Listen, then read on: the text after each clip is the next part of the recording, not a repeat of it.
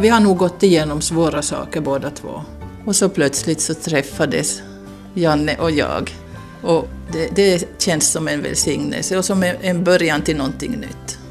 Och det är en sak som egentligen har överraskat mig nu också, det är det att förälskelse i den här åldern är inte något annorlunda egentligen än som 20-åring. Det är lika häftigt, det är lika urflippat, det är lika alltihop. Du lyssnar till programmet Samtal om livet som från och med den här veckan kommer att sändas första gången på torsdagar. Mitt namn är Ann-Sofie Sandström och i dagens program har jag samtalat med Eva Kronqvist och Jan-Erik Nyholm. Eva Kronqvist är min kusin. Hon är tio år äldre än jag och jag minns från när jag var liten att Eva hade en lång stilig pojkvän som hette Karl-Erik. Eva och Karl-Erik gifte sig så småningom och fick tre barn, som alla är vuxna nu och har egna barn. I slutet av sommaren 2010 dog plötsligt Karl-Erik. Man visste att han hade varit sjuk, men det kom ändå mycket oväntat. Jag minns inte i vilket skede kusin Eva gick med på Facebook, men någon gång under hösten 2011 började jag märka vissa intressanta uppdateringar. Eva hade förlovat sig den 15 november. Samtidigt som jag gratulerade henne så frågade jag om hon och hennes nya fästman kunde tänka sig att vara med i ett radioprogram som skulle kunna handla om sorg, glädje och om att gå vidare i livet. Hej! Hej. Du smög dig in. Jag, jag märkte att du kom hem. Några veckor senare träffade jag dem båda hemma hos Eva i Jakobstad. Hörru, får jag lägga upp kaffe nu med samma? Eller vill du få du? Pa, pa, pa, raj. No, men rubriceringen på det här programmet... Samtal om livet. Jaha, det är den serien. Ja. Just det.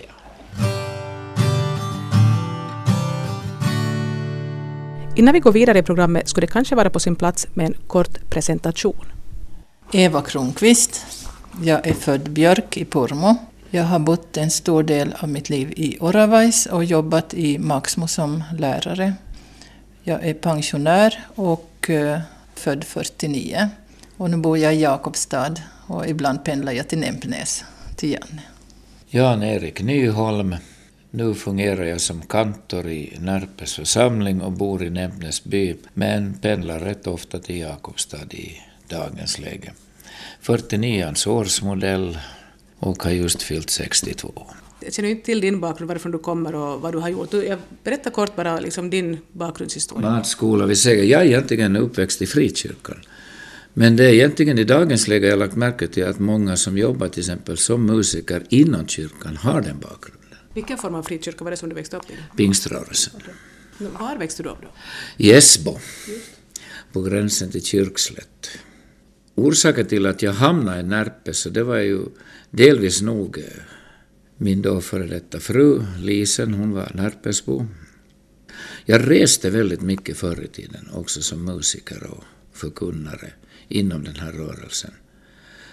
Och så har musiken alltid följt mig. Först som en skugga och sen tog den in mer och mer. Så jag minns när jag var pastor, den tiden så var jag också musiklärare i Medborgarinstitut och så vidare. Och sen hamnade jag från pastorsbanan att vara 19 år i Närpes grundskola som musiklärare. Senare bestämde sig Jan-Erik Nyholm för att utbilda sig till kantor.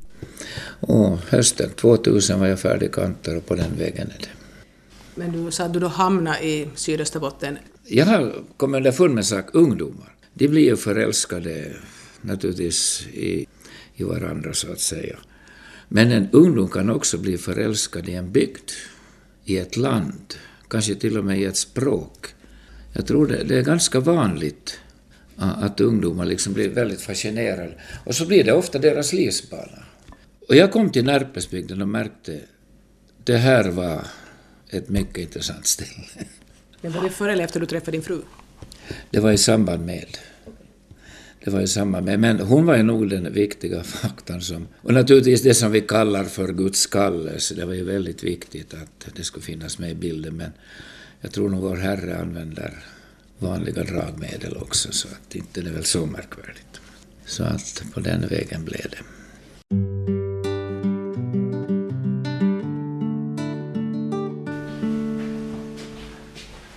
Mjölk i kaffe? Ja tack. Brukar du ta varmo?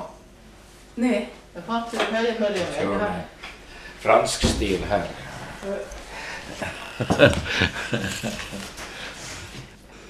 Jag förstår att ni båda två har förlorat någon. Jo. Men ni, ni har inte lärt känna varandra nu först? Alltså vi har inte känt varandra, vi har vetat om Ja, att okej. den andra fanns. Just. Men, Men jag har ju samarbetat med hennes man. sist med den här skivan, Det var sista projektet. Just så. Och det var det han dog ifrån. det är en som heter Dorothy Röj som har gjort texten. Okej. Och jag var två gånger med Karl-Erik dit till Töjby. Ja. Och nu såg jag honom nog, men inte liksom... Jag visste Nej, vem han var, men inte kände vi varandra. Att man visste vem den andra Ja. var. Och nu har jag sett henne så här då tillsammans med Kalle därför att jag var ju med Kalle ibland på olika seminarier och jag höll lite föredrag jag också. Och så här. Det var meningen, så jag tror att någon av de där sångerna jag sjunger så var meningen att han skulle sjunga. Det var ju han och Dorothy som var initiativtagare till det här. Och då kontaktade de mig och sa att kan du komma och arrangera? För jag har jobbat en del i musikstudier så där så jag har en viss erfarenhet. Och då gick det väl till så att vi samlades en par gånger nog i, i Töjby hos Dorti då planera. Och Kalle, jag minns bara att Kalle klagade att han hade ont i benet. Och sen då plötsligt eh, så hör vi, vi hade, det var på våren vi drog igång det. Och var det i slutet av augusti så var han plötsligt borta. Och då gick vi ju i väggen allihop. Men det var ju Dorte sen och ringde mig och sa att inte kan vi bara hoppa av nu för att vi har ju fått också kulturstipendium för det här. Så vi tog upp det då. Jag sa men vi måste vänta efter jul. För är man kantor så är ju julen, speciellt före julen. Det. Så efter jul sa jag att vi tar upp det då. Så började vi lite sen i januari då och försökte lite komma igång. Nå, sen blev min fru, hon har ju varit sjuk i många år, kämpat med cancer i 13 års tid. Hon hade en period där som faktiskt var lite bättre, men när det sen tog fart på nytt igen, och speciellt de här senaste, då visste jag ju nog att nu, nu är det på väg. Och sedan i mars så var det hennes tur att ta farväl. Och då gick jag ju däck igen. Det var en studiemusiker nere i Helsingfors när jag berättade det här. Lite sådär så frågade men eh, vågar ni fortsätta med den där skivan? Det var lite galghumoristiskt. Men det kom ju, kom ju bra saker under tiden också Ja. genom att Rebecka fick ju ett barn, en pojke. Precis. Och, och, och vi fann varandra I plötsligt. slutet, innan den här skivan var ute, alltså det... Jag, jag är faktiskt överraskad av flera detaljer i det här, det är jag nog. Får jag hälla in nu då? Ja, får du.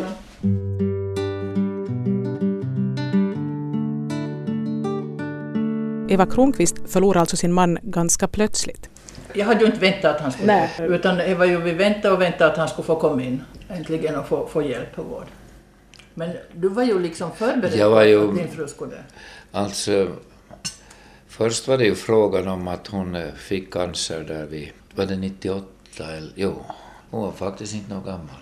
Inte ens när hon dog så. Det såg rätt bra ut både efter eh, cytostatika och, och, det här strålning. Men hon eh, förlorade förmågan att kunna använda höger arm riktigt bra. Den ville inte lyda. Men att hon blev förtidspensionerad, sjukpensionerad helt enkelt. Och det, det löste sig på det sättet. Och sedan slog den då till igen. Det blev väldigt akut. Där den här, den här andra som då blev skelettcancer helt enkelt. Och jag minns ju, hon hade så ont i mig, hon hade så ont i ryggen och jag sa att men nu måste vi ju fara och kolla det här. Och alla trodde först att det var frågan om benskörhet. Men då var det en ung läkare på hälsocentralen som sa att men vi måste ju kolla upp det här eftersom du har haft den här diagnosen tidigare. Och det visade ju sen att hon hade rätt. Och det blev väldigt dramatiskt för en morgon förlorade hon benen. Hon var förlamad. Så Då visste jag att nu är det allvar, så jag beställde ambulans direkt. Och två dagar senare var hon i Tammerfors, där de opererade in två skenor i ryggraden och fäste med fyra skruvar och försökte putsa bort lite. Steloperera.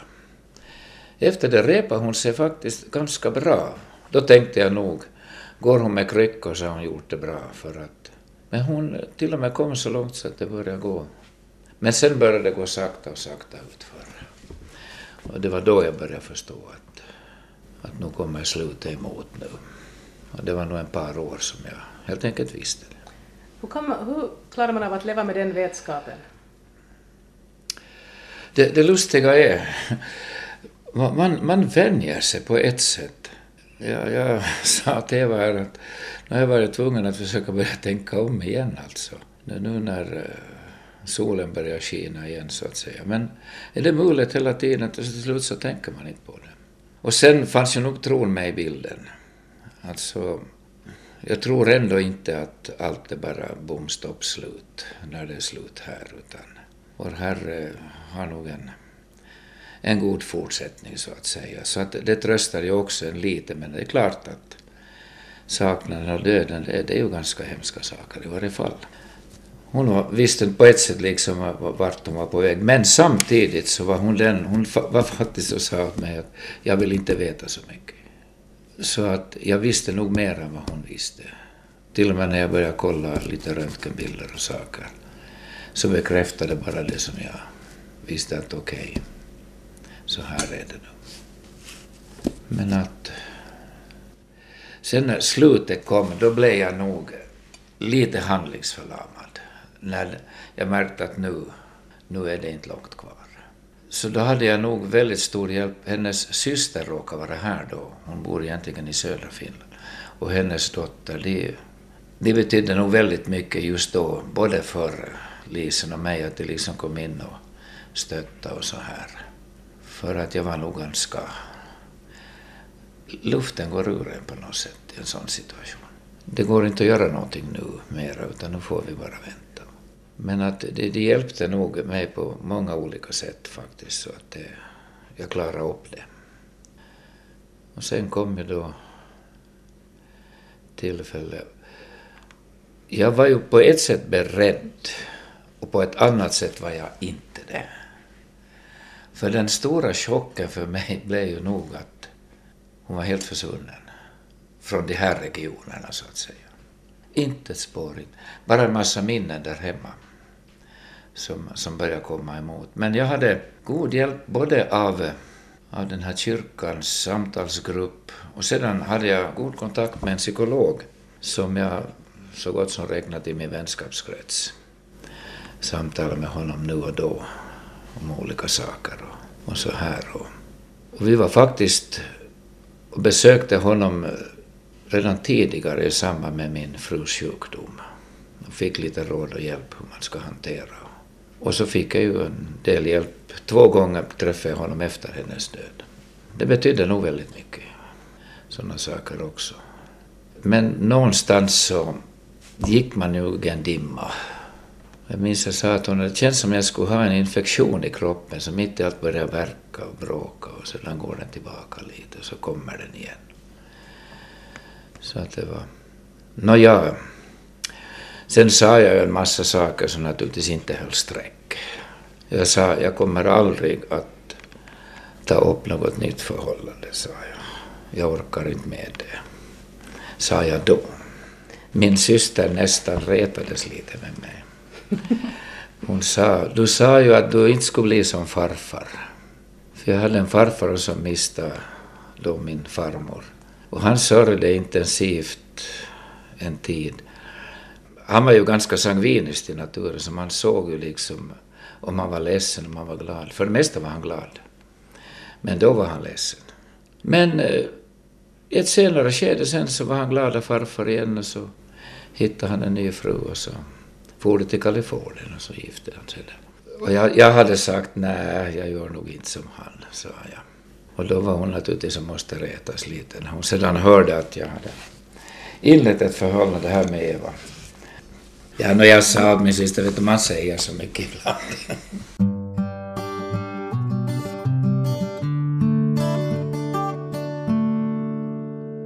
Du var ju säkert inte alls lika förberedd på vad som skulle hända som han då ändå tycks ha varit. Att du måste ju ha varit... Jo, det var ju så att, att det här, vi trodde ju att, att det här det var en sjukdom som han plötsligt hade fått som skulle gå att diagnostisera och bota.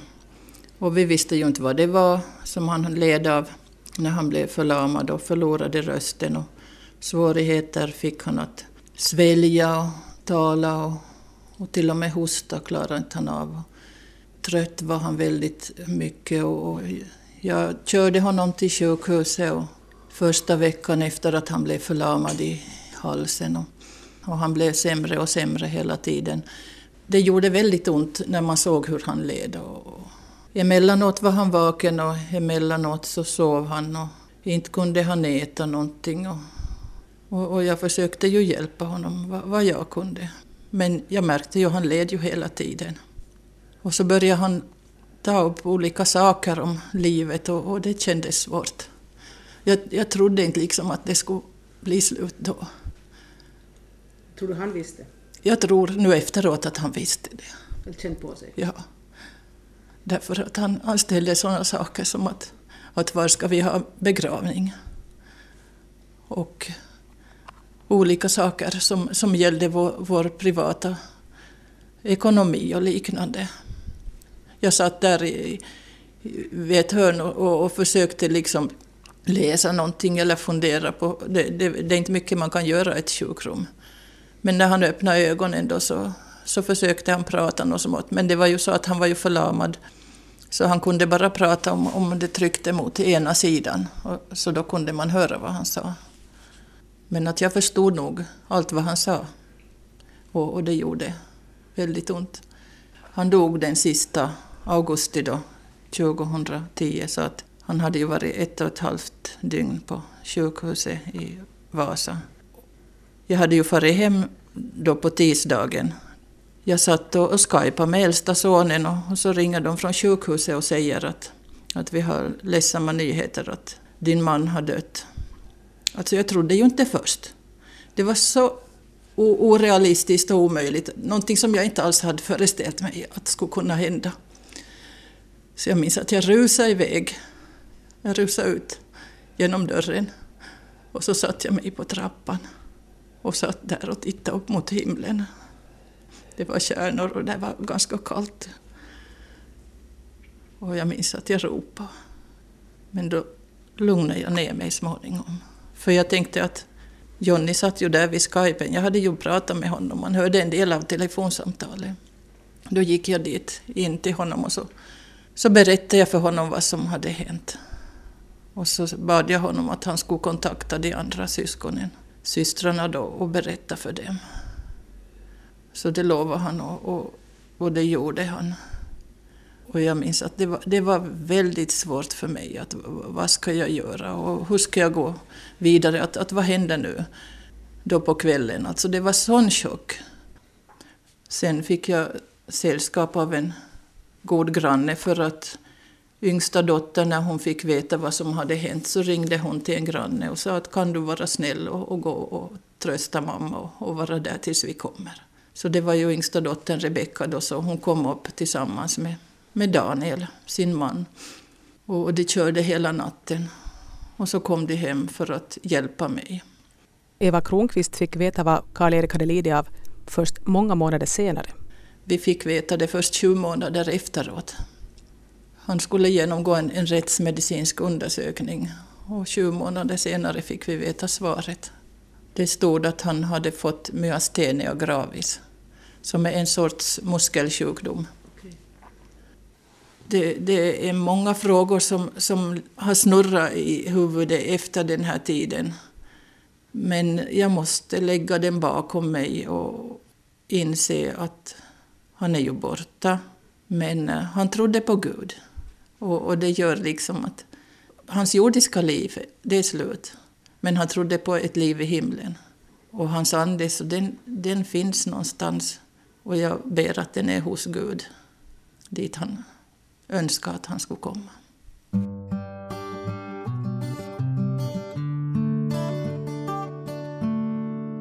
På vilket sätt har du bearbetat den här sorgen det här året som har gått?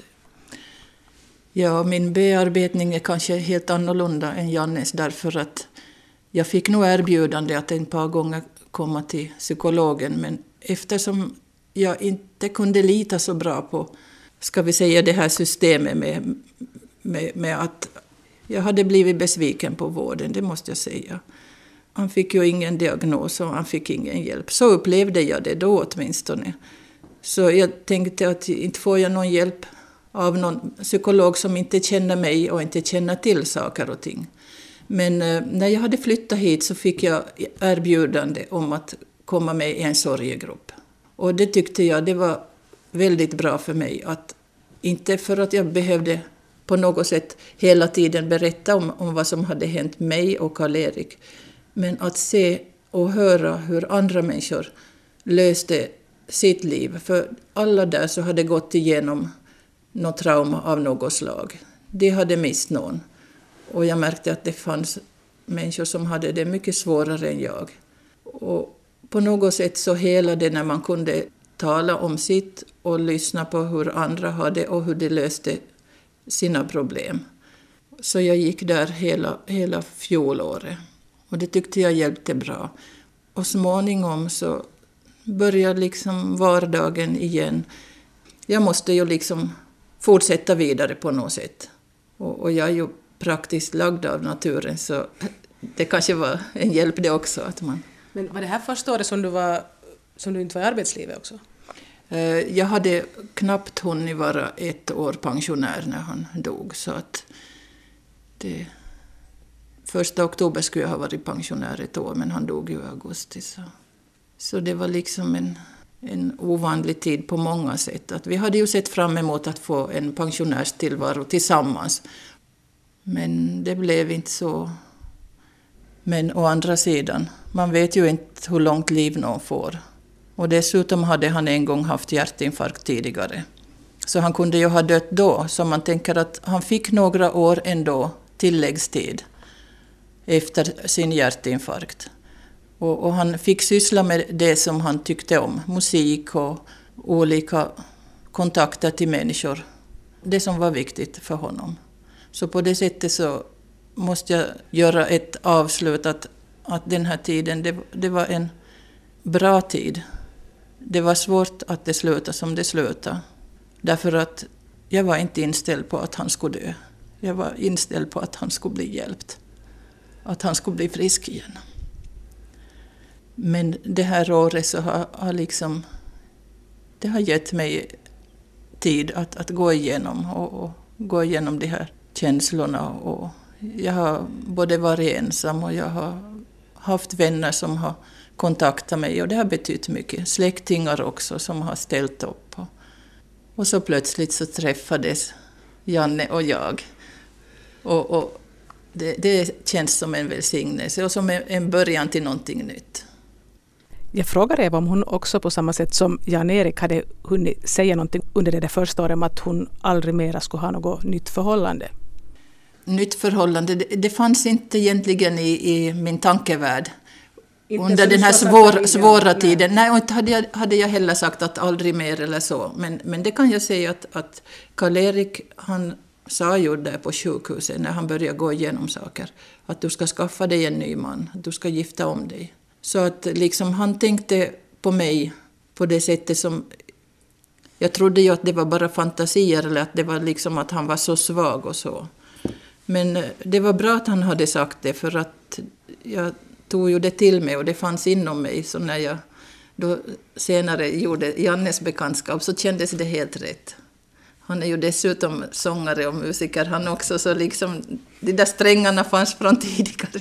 Och, och det här, när vi började bli bekanta så det var ju inte att, att vi träffade varandra, utan det var nog indirekt via datorn. Därför att eh, jag var ju mycket ensam här i Jakobstad och tidvis när barnen var borta och, och så tyckte Rebecka då att, att det här mamma, ska du inte börja på Facebook något? Så sa jag att, att jo, men att kan du hjälpa mig, jag vågar inte själv. Så sa hon, men nu när jag är hemma så, så kan jag logga in dig och så får du fortsätta. Så sa jag, nog ja. Så lagade hon in då alla uppgifter där och så sa hon att men du har ju inga vänner. Så, så sa jag, men barnen då? Så då blev det ju mina tre egna barn. Och så sa hon några till då, att det är ju så lite det här. Så tittade vi lite i e-mailadresser och sånt. Och då råkade Janne finnas där som... Jag hade sänt en grej nämligen. Den, den sista låten på den här skivan hade jag sänt ett provexemplar på. Och jag hade också tackat för den. Ja.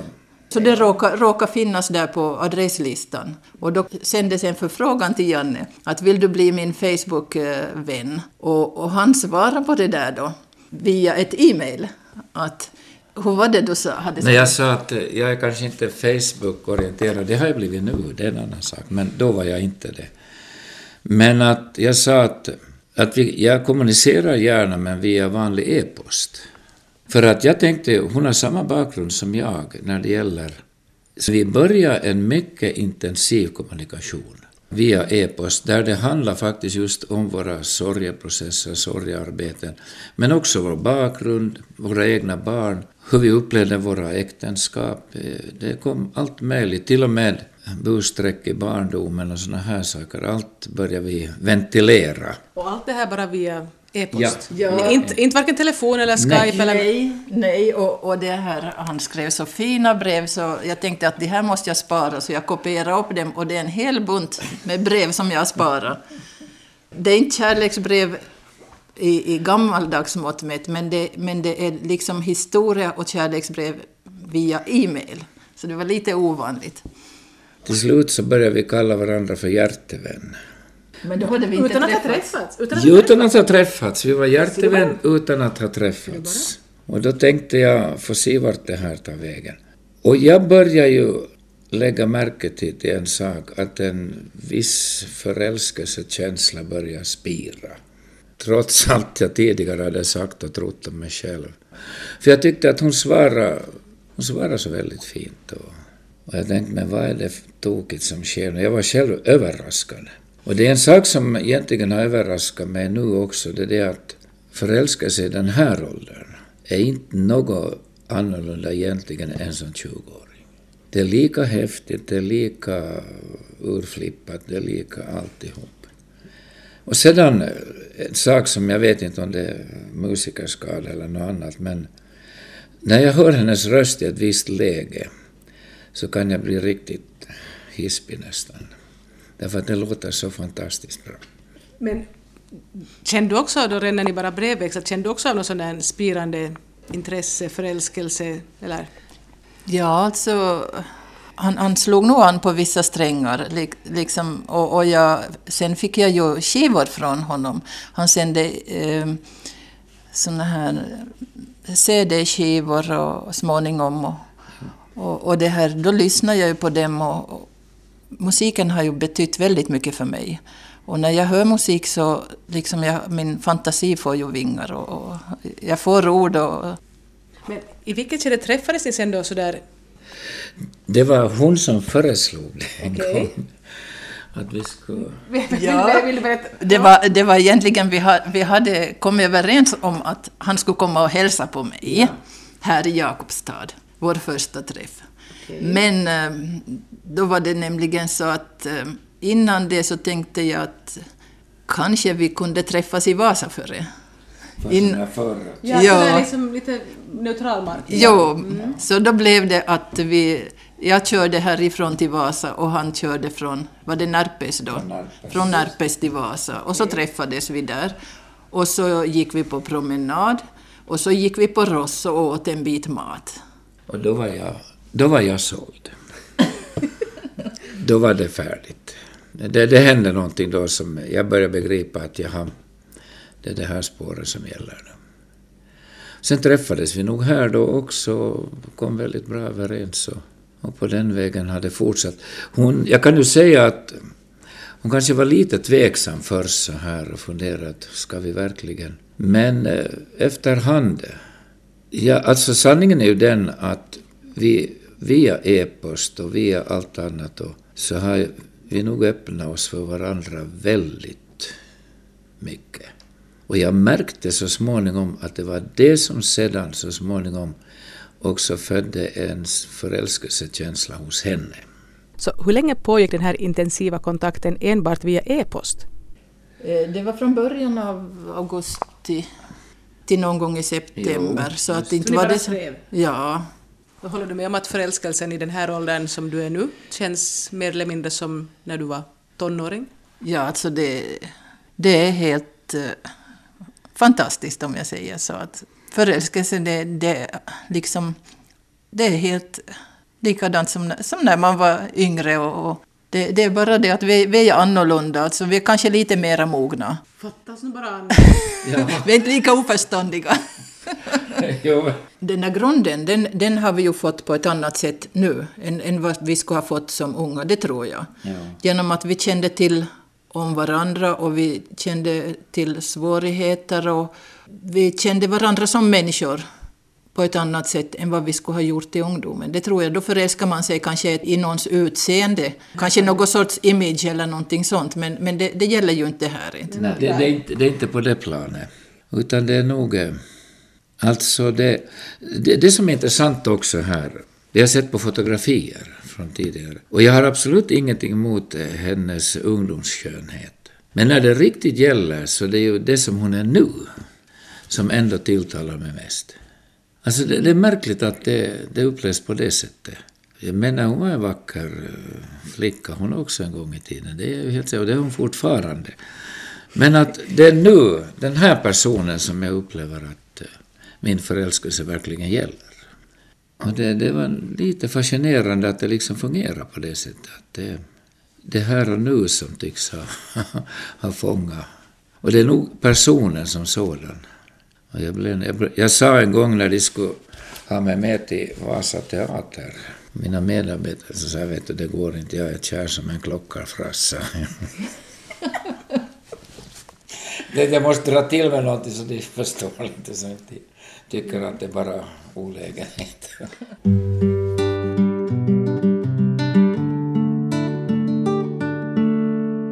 Eva Kronqvist och Jan-Erik Nyholm förlovar sig den 15 november. Jag är själv Evas kusin och jag märkte att någonting var på gång tack vare Facebook. När Eva plötsligt började få en massa gratulationer. Jag men hon har just fyllt. Ja, vad, är det, vad är det här? Fyller hon nu igen? Men det kan ju inte vara sant. Så måste jag gå in och se att vad är det här nu? Mm.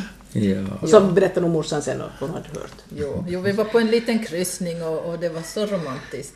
Och han hade gitarren med och... Så vem var det som friade? No, hon ville ju ha det på gammaldags vis. Och då spädde jag på med ett par sånger till och med, Lau mitt händer och såna där saker.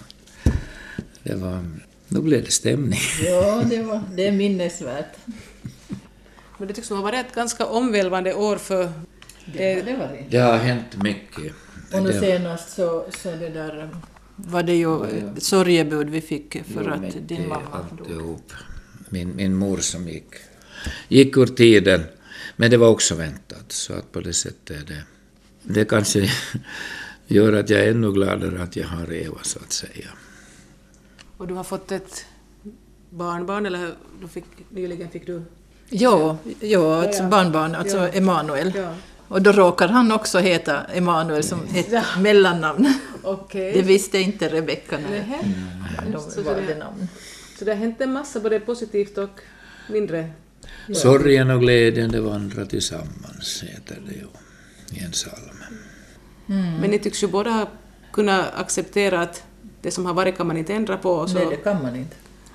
Jo, och samtidigt tror jag att, att det kanske nog beror på att vi har haft en vänkrets och i mitt fall så ser jag nog att den här eh, sorgekursen i kyrkan och även psykologens insats, det betydde nog en hel del att man vågar liksom eh, å ena sätt möta sorgen och inte liksom väja för den.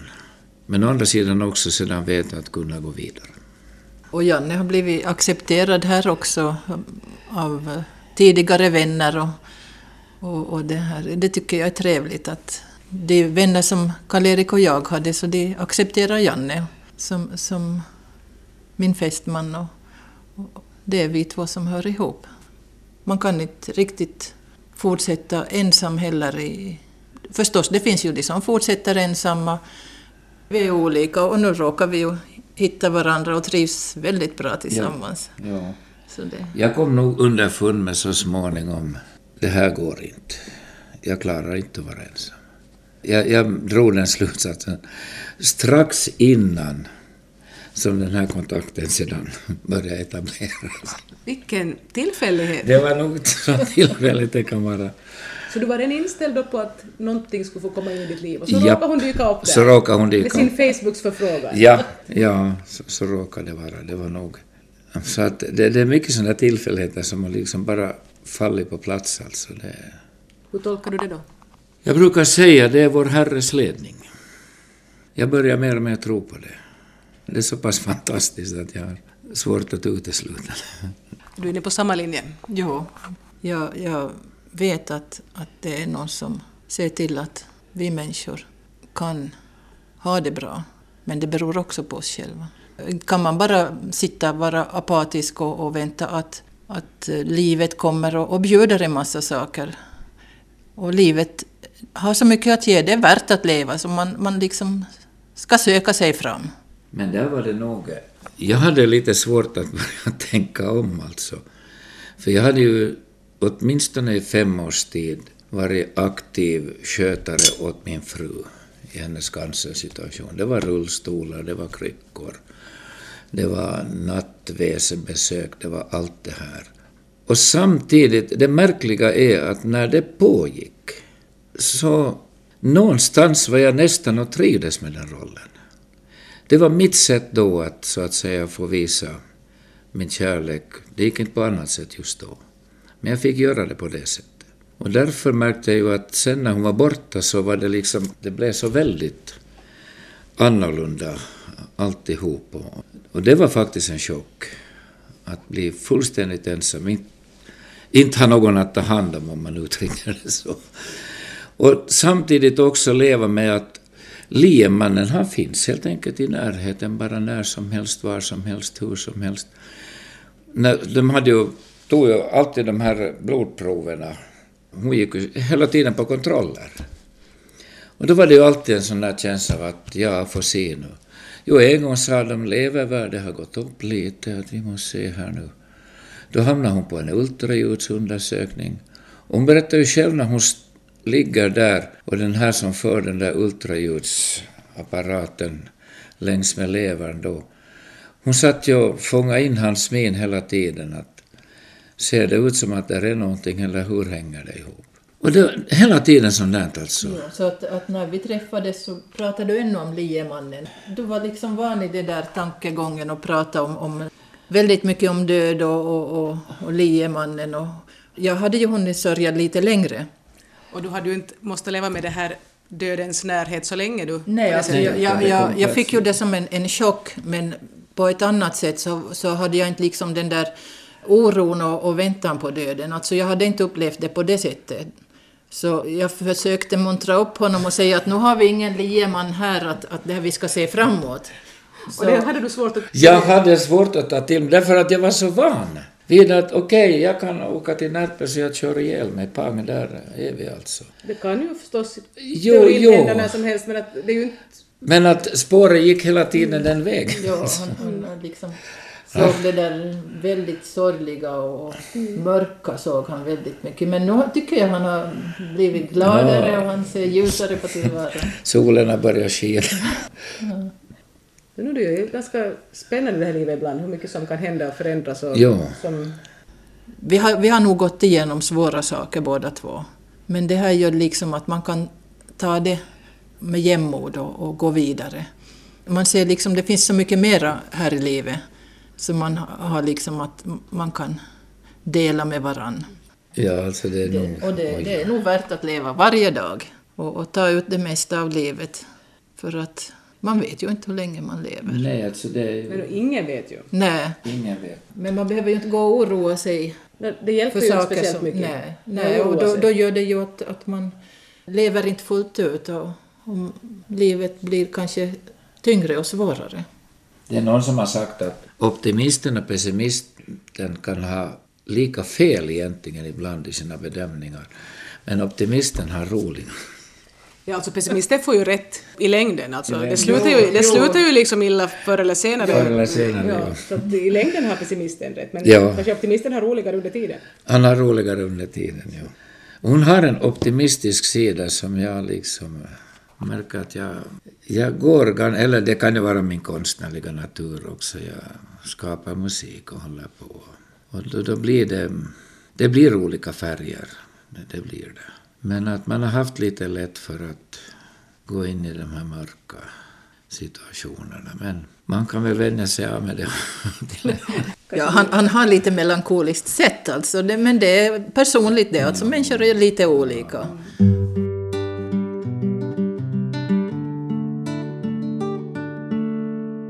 Hur länge höll då Eva och Jan-Erik sin nya kärlek hemlig? Jag berättade, tror jag, åt Rebecka redan eh, när jag hade börjat brevväxla via e-mail med Janne, så då berättade jag det åt Rebecka. Rebecka är alltså Evas yngsta dotter, som är 30 år gammal. Och det var också hon som hjälpte sin mor att bli aktiv på Facebook, vilket bidrog till att Eva kom i kontakt med Jan-Erik jag var nog och avslöjade lite för min dotter ett och annat. Men jag sa åt henne att bevara det som en hemlighet tills vidare. Sen så småningom, så efterhand sen så började det läcka ut. I ungdomsåren, när man höll på då och blev förlovad sig och så vidare, så basunerade man ut det ganska sådär pang. Vi har låtit det komma fram liksom så här lite, inte i någon tidning, men Facebook förstås hade ju, hade ju det sluppit till. Det, det liksom räcker för oss. Ja. Och så får ryktet föra det vidare sen om det.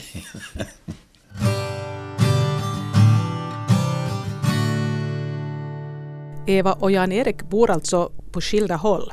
Inte det är några olösliga problem på det sättet. Med lite smidighet och genom att jag är pensionär också så går det ju. Värre skulle det ha varit om jag skulle ha varit i jobb nu just. Jag måste pussla med ditt jobb dessutom. Jo, jo det hade varit besvärligt. Ja. Jo. Men hade jag också i fortsättningen tänkt bo på skilda håll? För Jan-Erik bor i Sydösterbotten och Eva bor i Jakobstad. Och det tar två och en halv till tre timmar att köra en väg. Jag bor gärna på flera ställen. Samma sak med mig. Det går ju att åka bil mellan Jakobstad och Närpes väldigt bra. Jo, och jag har ingenting emot att köra bil. I min ungdom när jag färdades omkring, alltså 800 kilometer en dag, det var inte något märkvärdigt. Nu gör jag, kör inte jag så mycket på en gång. Men 400 går nog bra. Tycker du också om att köra långa sträckor?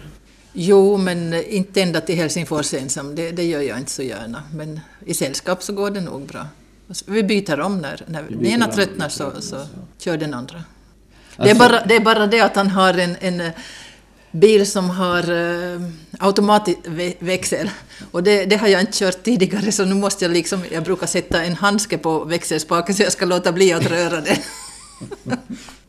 Nej men det finns så många områden som jag märker att vi, jag brukar säga, vi behövs för varandra nu helt enkelt också i den här sorgeprocessen, men också i många praktiska saker. Jag är så glad att jag fick en extra chaufför också. Och jag fick en fönstertvättare. Ibland. Du har hört ett samtal om livet med Eva Kronqvist och hennes fästman Jan-Erik Nyholm. Mitt namn är Ann-Sofie Sandström och Samtal om livet är tillbaka om en vecka.